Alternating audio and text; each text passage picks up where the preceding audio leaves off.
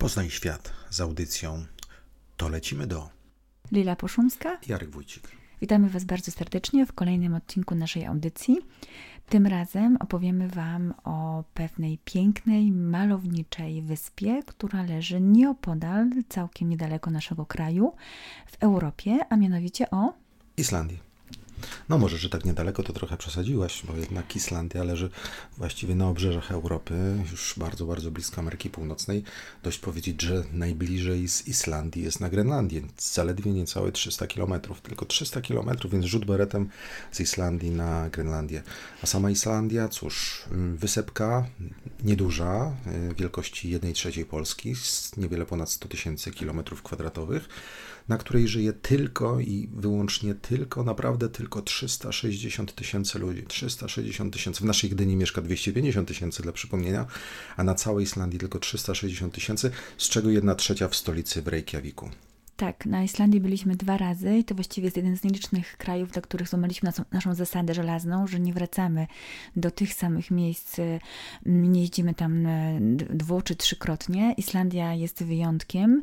E, byliśmy na Islandii i latem, i zimą. E, polecamy zarówno zimowy krajobraz islandzki, jak i letni. Ten letni trudno to... chyba wybrać, co jest piękniejsze. Tak, zdecydowanie trudno wybrać, co piękniejsze. Ten letni to tak naprawdę już majówki, później czerwiec, czerwiec, lipiec to są też takie momenty, w których e, na Islandii jest pięknie i można się wybrać na wakacje.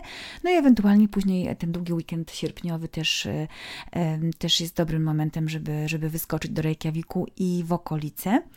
E, no i cóż, dzisiaj tak naprawdę powiemy o takim jednym z czynników, który sprawia, że Islandia jest tak niezwykła i niesamowita, bo Islandia ma wiele do zaoferowania. Gejzery, jest to w ogóle wyspa wulkaniczna, więc i, i gejzery, i, i, i różnego rodzaju mm, właśnie pola wulkaniczne, góry. E, góry, oczywiście góry, lasy. Natomiast dzisiaj zajmiemy się jednym e, aspektem Islandii, który nas zauroczył, a mianowicie wodospadami. Mówiliśmy już w naszej audycji kiedyś, kiedyś na początku, dawno temu, o najwyższym wodospadzie na świecie. To był Salton Hell w Wenezueli, o ile pamiętacie. Natomiast dzisiaj opowiemy Wam o kilku mniejszych, e, które e, właśnie są na Islandii. Islandia jest w ogóle mm, rajem dla miłośników wodospadów, bo można znaleźć ich prawie tysiąc na wyspie e, i lista ta nie jest zamknięta, bo każdego roku tak naprawdę pojawiają się nowe strugi, bo wszystko zależy od tego, jak wygląda zima, jak wygląda opad deszczu. Także w zasadzie myślę sobie, że jest to idealne miejsce do, do obserwacji i do eksplorowania wodospadów. E, tak mówiliśmy, że, że prawie tysiąc wodospadów na Islandii, z czego 28 e, wodospadów o wysokości co najmniej 50 metrów, czyli bardzo, bardzo wysokich wodospadów. Wodospady są przepiękne, e, jest ich bardzo dużo i co więcej, te wodospady, przynajmniej o których będziemy chcieli Wam dzisiaj trochę opowiedzieć, każdy z nich jest inny. Każdy jest zupełnie inny. Opowiemy Wam o największych, o dużo mniejszych wodospadach, o wysokich, o niskich wodospadach i o wodospadach z którymi e, wiążą się mity, legendy i czasem półprawdy. Tak, zdecydowanie.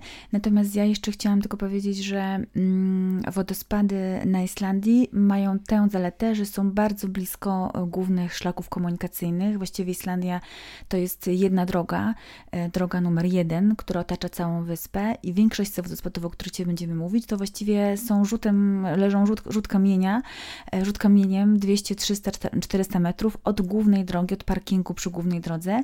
Także nie trzeba być jakimś wielkim wyczynowcem, żeby je mm, wszystkie zobaczyć, porobić zdjęcia, poeksplorować. Oczywiście zachęcamy do dłuższych trekkingów i o tym też opowiemy, ale nawet takie właśnie trochę bardziej leniwe zwiedzanie e, na zasadzie takiej, że jedziemy samochodem, zatrzymujemy się, oglądamy, wysiadamy, dochodzimy kawałek, robimy zdjęcie, eksplorujemy i wracamy do samochodu, też jest możliwe i też można większość z nich e, praktycznie z, z drogi, z samochodu zobaczyć, niczym na styl japoński.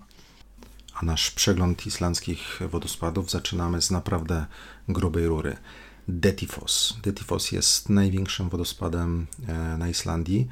Niektórzy twierdzą, że jest w ogóle największym wodospadem w Europie, inni twierdzą, że jest dopiero drugi. No ale nie, nieważne, czy jest pierwszy, czy drugi, jest jednym z najpotężniejszych wodospadów nie tylko w Europie, ale i na świecie. Mm, żeby sobie zdać sprawę z tego, jak on jest olbrzymi, to powiedzmy, że ma około 100 metrów szerokości, 44 metry wysokości, ale spływa nim ponad 200 metrów sześciennych wody na sekundę. Na jedną sekundę 200 metrów sześciennych. E, tak, żeby to porównać, to największy wodospad w Polsce, przez największy wodospad w Polsce przepływa tej wody pół metra sześciennego na sekundę, czyli 400 razy mniej. To, to naprawdę y, mówi o tym, jak potężnym wodospadem jest Detifos. Detifos jest jednym z tych wodospadów, do którego trochę trudniej dojechać, ale warto, ale warto naprawdę do niego dojechać. Y, i jest tak niesamowity, tak fantastycznie wygląda. On jest, wygląda tak bardzo brudnie, jest taki szary, szaro-brązowy, bo ta bardzo silna, y, silny strumień wody porywa ziemię, porywa skały i, i, i wodospad jest bardzo nieprzy, ta woda jest nieprzejrzysta. I tak niesamowicie wygląda, że e, Ridley Scott między innymi wykorzystał wodospad w swoim filmie Prometeusz. I już w pierwszej scenie Prometeusza widzimy obcego, który właśnie e, jest, za którym e, widać Detifos i, i ta scena idealnie do Detifos pasuje, pokazuje właśnie, że ten wodospad jest jakby trochę z innego świata. Tak, mówili, że tru, trudniej do niego się dostać. Trzeba przejechać e, około 300 km taką szeroką, szutrową drogą, e, drogą numer 864, ale z kolei parking już leży niemal przy samym wodospadzie, więc z parkingu e, pod wodospad e, jest już łatwe, łatwe dojście, łatwo się dostać. No i cóż, następny na naszej liście to wodospad Sfartifos. Tak, one mają wszystkie takie piękne nazwy, jak Fos, to znaczy wodospad, ale Mamy nadzieję, przodu... że dobrze je wymawiamy tak, w ogóle, nadzieję, ale to już jakiś islandzki słuchacz może nas poprawi. Islandczycy na pewno by mieli wiele wątpliwości. Pewnie, pewnie wymowy. tak, ale liczymy na naszych słuchaczy, może ktoś studiował e, język islandzki i będzie mógł nas poprawić w komentarzach. Natomiast e, Svartifos to jest innymi słowy czarny wodospad. Położony jest w Parku Narodowym Vatnajökull w południowej Islandii i jego niezwykłość polega na tym, że leży on wśród ciemnych kolumn utworzonych przez zastygłą lawę, tak jakby wygląda właściwie jakby leżał wśród gigantycznych organów z granitu albo z, z, z bazaltu. No i te kolumny stały się właśnie też inspiracją dla architektów, między innymi przy projektowaniu e, kościoła w, w Reykjaviku, który jest drugim najwyższym budynkiem na Islandii. Wodospad znajduje się w południowej Islandii. Parking jest przy drodze 998 i właściwie to jest niecały kilometr do tej głównej drogi numer 1, a dojść do niego można po takim krótkim spacerku, półgodzinnym spacerku. Właściwie już, już jest, się u podnóży Svartifosa. Także jak słyszycie, bardzo łatwo do niego się dostać. Jest naprawdę niesamowity. Ta, ta, ta, te czarne organy robią niesamowite wrażenie i wodospad, który spada z tych organów. E, no, wygląda to wszystko pięknie, jeszcze okoliczna zielona e, roślinność. E, no i przechodzimy do trzeciego wodospadu i trzeci wodospad to, mój, to jest mój osobisty faworyt, naj, według mnie najpiękniejszy wodospad na całej Islandii. Nazywa się Skogafoss. Skogafoss też jest bardzo łatwy, bardzo łatwo go mm, zobaczyć, bo jest bardzo łatwo dostępny. No jest niesamowity, jest naprawdę niewiarygodny, ma aż 60 metrów wysokości, szerokości 25 metrów. Taka jedna potężna struga wody, w zależności oczywiście od tego, jak e, silne były opady i kiedy jesteśmy, jeżeli jesteśmy na wiosnę czy latem, kiedy topnieją lodowce, więc ta struga wody będzie dużo większa. Jeżeli e, późnym latem e, i nie ma przez dłuższy czas opadów, ta struga będzie trochę mniejsza, ale zawsze ten wodospad robi piorunujące wrażenie. E, jest jednym z największych na wyspie. E, no i słynny jest między innymi z tego, że przy wodospadzie w słoneczne dni pojawia się nie jedna, ale dwie tęcze. Ta woda, która, się, która spada, rozbryzguje się, tworzy dwa potężne łuki e, tęczy, ale jak dla nas to już nawet nie te kolorowe łuki tęczy były piękne, tylko sam wodospad, który jest dodatkowo bardzo fajny z tego powodu, że można bardzo blisko do niego podejść na dole i go zobaczyć w pełnej okazałości, zbliżyć się do niego bardzo blisko. Co więcej, można do niego podejść także od góry. Specjalną ścieżkę Islandczycy wybudowali, można wejść na górę, ale naszym zdaniem zdecydowanie piękniej wygląda od dołu. I znowu to miejsce przyciąga i przyciągać pewnie będzie, przyciągało i przyciągać będzie filmowców, bo oprócz teledysków, których zagrał Wodospad, to jeszcze zagrał m.in. w serialu Wikingowie i w naszym ulubionym serialu Gra o Tron. Także po raz kolejny scenarzyści i filmowcy doceniają piękno natury i przyrody islandzkiej.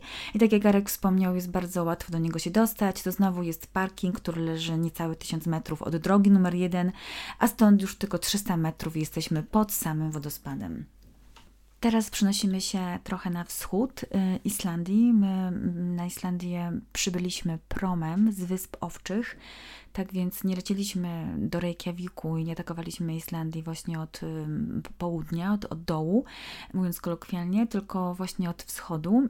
I pierwszym wodospadem, który zobaczyliśmy, był właśnie Hengifoss, który leży we wschodniej części Islandii.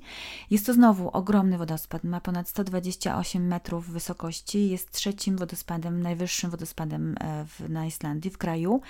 Otoczony jest po raz kolejny przez bazaltowe wulkany wulkaniczne kolumny, e, tym razem przetykane czerwoną warstwą gliny, także ten kolor czerwono-czarny e, robi tutaj ogromne wrażenie. Jeżeli do tego dodamy kolor wody, plus otaczające zielone roślinki, mchy i różne porosty, które tam się na tych skałach żyją, to widok jest naprawdę niesamowity. Dodajmy do tego, że Hengifos jest e, wodospadem spośród listy, o której, którą Wam przedstawiamy, do którego najtrudniej się dostać, bo żeby go zobaczyć, trzeba odbyć no, prawie godzinny trekking. Nie jest on bardzo wymagający, ale mimo wszystko jednak e, jest, sam wodospad jest nieco daleko od e, parkingu. Co ważne, w trakcie tego trekkingu przechodzimy koło kolejnego wodospadu, dużo mniejszego, no i można się pomylić ci, którzy chcieliby zobaczyć Hengifoss, widzą pierwszy wodospad, który się nazywa Lidlandensfoss e, i wracają, a okazuje się, że ten naprawdę wielki wodospad jest jeszcze 20 minut dalej. Także bądźcie cierpliwi, idźcie do samego końca, zaparkujcie na początku przy drodze 933, a później przeznaczcie około 50-60 minut na spacerek pod Hengifoss. Nasz przegląd kontynuujemy mm, wodospadem, kolejnym wodospadem, który jest z jakiegoś powodu niesamowity. E, już sama jego nazwa Seljalandsfoss no, mówi wiele. Tak, można się wymówić. połamać język. E, jest to z kolei jeden z najłatwiejszych, e, najłatwiej dostępnych wodospadów, bo jest prawie przy samej tej głównej drodze numer jeden. Nawet widać go z drogi, kiedy się jedzie tą jedynką islandzką Widać e, zaparkowane samochody na parkingu i widać sam wodospad, który, e, który spływa strugą z, z otaczającego płaskowyżu. E, I co w tym wodospadzie jest takiego niezwykłego? Ano to, że można go obejść dookoła. Całą główną strugę można obejść dookoła, ponieważ za wodospadem jest ścieżka, no nie możemy powiedzieć, że można obejść go suchą nogą, ponieważ e, jest tam bardzo mokro, jest w ogóle ślisko, trzeba uważać, żeby się nie pośliznąć, ale można tą ścieżką sobie dookoła wodospadu e, w takiej jaskini jakby, która jest po drugiej stronie wodospadu, obejść, e, zrobić fantastyczne zdjęcie, zobaczyć ten wodospad mm, z każdej strony. No tak, i następny z kolei na naszej liście to wodospad Godafoss, czyli wodospad bożków, bożków pogańskich, albo też inaczej zwany wodospadem wodza. Tak, czasem nazywa się go wodospadem bogów, ale no, według naszych informacji to nie jest najbardziej, naj, naj, naj, najbardziej precyzyjne tłumaczenie, więc raczej wodospad bożków. Mm, wiąże się z nim e, legenda, e, jakoby brał, był ważnym punktem w historii Islandii, e, szczególnie w czasie, kiedy Islandia przechodziła na chrześcijaństwo. Było to e, według e, naukowców albo w 999 roku, albo w 1000 roku. No i pogański głosiciel prawa, tak, taki zawod, takie zawody wtedy funkcjonowały, o imieniu i nazwisku, którego nie będziemy próbowali wam Nie, tutaj nawet, nie, nawet się nie odważymy, ale możecie znaleźć to imię i nazwisko, całą tą legendę przytoczoną na naszym blogu, bo też o tym piszemy, na to lecimy do PL. Tak, więc on e, w tym, w, tej, w tym momencie, e, kiedy wracał z takiego wielkiego spotkania e, głównych wodzów islandzkich, na którym uznano, że jednak Islandia powinna przejść na chrześcijaństwo, wrócił do domu, e, zebrał e, bożki, e, figurki bożków pogańskich i wrzucił właśnie do tego Godafos, do tego wodospadu. No, według najnowszych badań to jest, to, ta historia nie jest prawdziwa, ona pojawiła się dopiero mm, w XIX wieku. Mm, Mówi o tym mm, wszystkie wcześniejsze księgi, w których informacje o tym e, głosicielu prawa są podane. Jest informacja, że jak bardzo ważny wpływ e, miał, jak, jak, jak ważny udział w e, tym, przy- w tym momencie, kiedy Islandia przeszła na chrześcijaństwo, ale żadne z tych starszych tekstów nie wspominają o tym, że wrzucał bożki do Ale Godafos. nie bez, bez znaczenia, jaka była legenda i o czym mówiła. Y, Fakt jest jeden, że Godafos ma 15 metrów wysokości y, i jest jednym z najefektowniejszych wodospadów w Islandii. Naszą wyliczankę kończymy wodospadem Gulfos, który jest jednym z najpopularniejszych wodospadów na Islandii, dlatego że jest najbliżej stolicy, najbliżej Reykjaviku. Wygląda niesamowicie, bo właściwie to są dwie kaskady, jedna o wysokości około 11, druga 21 metrów i one są obrócone względem siebie o mniej więcej 90 stopni, czyli tak to wygląda jakby właściwie woda spływała po kręconych schodach. Woda mm, znowu potężna, bo około 140 metrów sześciennych na sekundę, także znowu olbrzymie ilości wody i znowu ogromne, mm, nie, nie, niesamowite wrażenie, jakie wywołuje na wszystkich, turyst, na wszystkich turystach i odwiedzających Gulfos, który znajduje się w Parku Narodowym Thingvellir e, znajduje się na takiej trasie, która popularnie się nazywa Złotym Kręgiem. To jest e, obszar stosunkowo blisko Reykjaviku i to jest jedna z najbardziej popularnych mm, e, części Islandii. E, Bardzo popularne są jednodniowe wycieczki, które właśnie takim kręgiem m, otaczają e, ten obszar i odwiedzają najpopularniejsze atrakcje w tym obszarze. Jednym, jedną z tych atrakcji jest właśnie Gulfos. Poza tym jest, są tam gejzery, najsłynniejsze gejzery mm, na Islandii w dolinie Haukadalur i krater wulkanu Kerith. E, To są właśnie te atrakcje, które przy okazji Gulfosu na takiej jednodniowej eskapadzie możemy zobaczyć. Tym bardziej, że tak jak Arek wspomniał, to jest raptem 60 km od Reykjaviku, więc tak naprawdę można pokusić się o to, żeby zobaczyć te wszystkie atrakcje e, nawet zimą. O ile pewnie nie polecalibyśmy jakiegoś eksplorowania interioru Islandii zimą, bo wiadomo, śnieg, lód, niesprzyjające warunki atmosferyczne, o tyle tutaj jest to tak w miarę blisko po dobrej drodze, że sami byliśmy na tym złotym kręgu zarówno zimą, jak byliśmy na Islandii w Reykjaviku, jak i latem. Oczywiście polecamy Wam Islandię głównie latem, e, dlatego że można przede wszystkim trochę pospać w namiocie, trochę, jeżeli w ogóle możemy mówić o spaniu na Islandii latem, bo jest dzień polarny, więc tak naprawdę tej nocy dużo nie ma, jest y, bardzo długo widno, w zasadzie jest może godzina, maksymalnie dwie godziny nocy.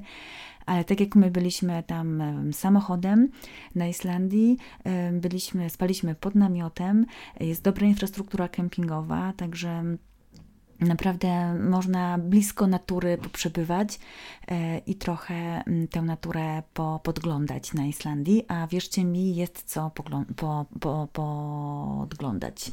Islandia mm, leży na styku dwóch płyt tektonicznych, europejskiej i amerykańskiej. Właśnie z tego powodu tak wiele, tak niesamowitych y, rzeczy tam możemy zobaczyć, czyli mm, aktywne wulkany, y, gejzery, możemy zobaczyć gorące źródła, możemy zobaczyć rozstępującą się dosłownie ziemi właśnie w tym Parku Narodowym, o którym przed chwilą mówiliśmy.